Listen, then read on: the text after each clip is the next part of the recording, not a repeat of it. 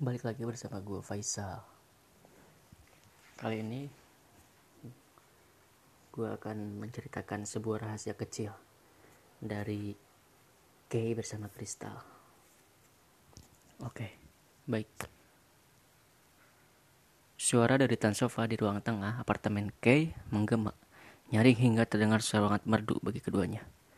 Bibir Kay masih terus mengabsen setiap tubuh kristal dengan penuh yang bercucuran di sekitar pelipis.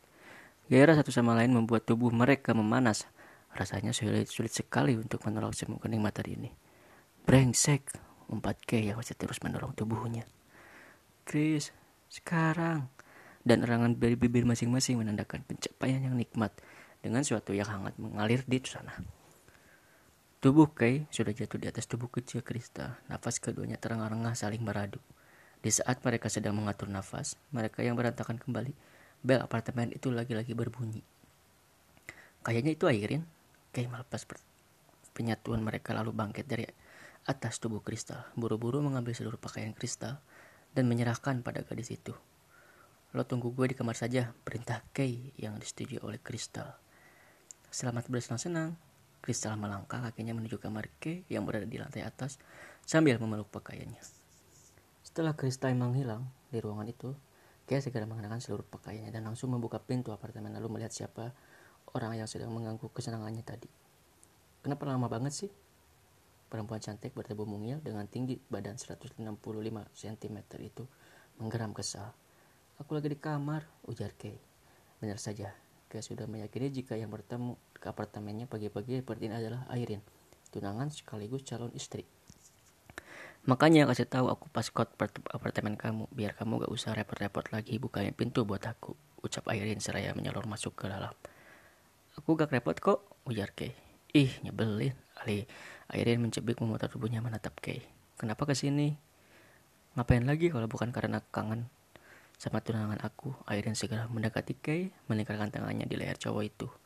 Ciuman bertubi-tubi datang dari bibir Airin bahkan Kay sampai sulit mengimbanginya. Perempuan itu menciumi Kay hingga nyaris membuatnya mati kehabisan nafas. Santai Rin, Kay mendorong pelan pegang Airin. Aku kangen, ayo kita ke kamar. Eh, Kay seketika kelabakan. Ia memandang gugup tubuh Airin yang mulai melangkah menuju kamarnya. Itu tidak boleh terjadi. Airin tidak boleh ke kamarnya karena di sana ada sudah ada kristal. Bentar, Kay mencegat lengan Iris dengan airin. Alis itu memaut. Hmm, aku mau ngajak kamu nonton bioskop mau gak?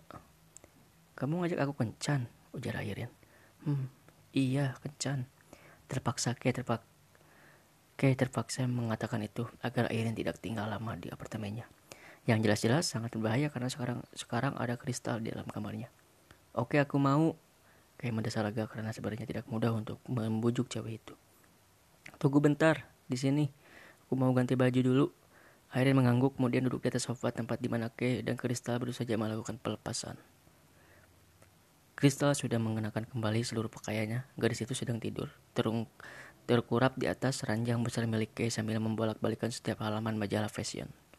Pintu terbuka dari luar dan kemudian tertutup kembali dengan suara kunci yang diputar. Kristal tidak tidak perlu melihat siapa yang baru saja masuk ke dalam. Ia tentu sudah tahu jika orang itu adalah yang pemilik kamar ini. Gue mau keluar sama Airin, ujar Kay. Hmm. Kalau lapar, pesan delivery aja, nanti gue yang bayar.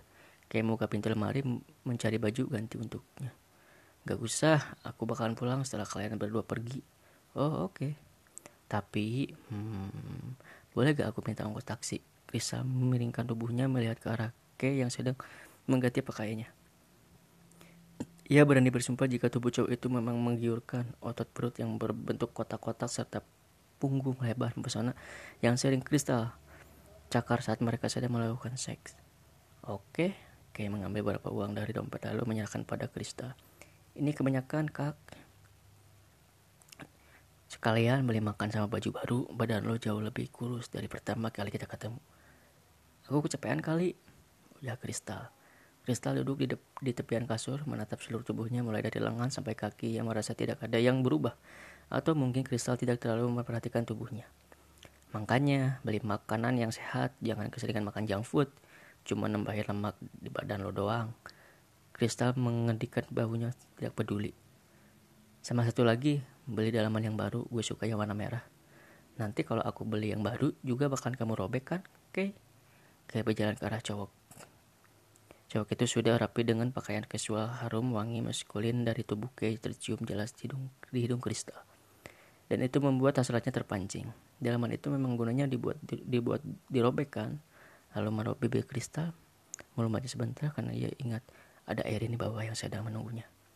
Besok aku mau ke dokter, jad, jadwal kontrol pemakaian kontrasepsi. Butuh uang, ujar Kay. Kristal menunduk menatap jari-jari tangannya yang bertautan di atas paha.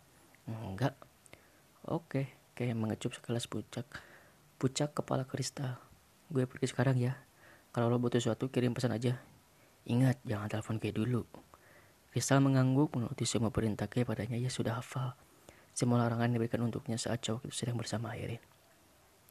Di dalam taksi, Kristal terus berpikir sambil menatap jalanan di luar jendela. Hubungannya dengan Kay baru berjalan enam bulan. Di mana awal mereka bertemu karena Kristal adalah adik tiri dari Airin.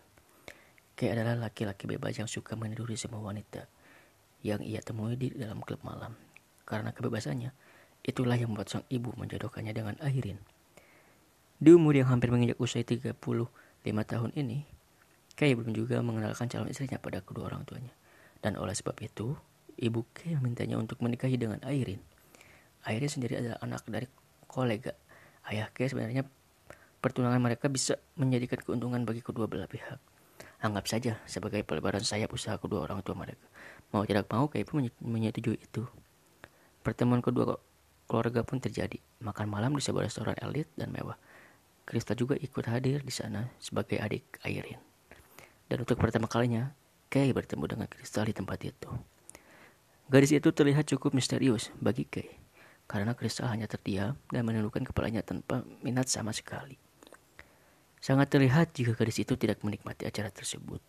Sebenarnya Kay lebih tertarik pada anak kedua mereka. Krista terlihat lebih cantik dan natural. Hanya dengan make up tipis di wajahnya. Gadis itu juga tidak terlihat palsu dengan berpura-pura tersenyum di tengah-tengah pembicaraan tidak penting dan membosankan itu. Kalian berdua setuju kan kalau pesta pertunangannya dimajuin jadi minggu depan?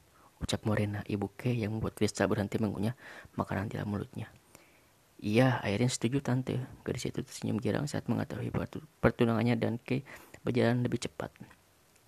Airin adalah model terkenal di Indonesia. Ia sudah menyukai Kay sejak lama. Mereka berdua sebelumnya sudah pernah dikenalkan dalam sebuah pesta pendirian perusahaan baru. Sejak saat itulah Airin menyukai Kay.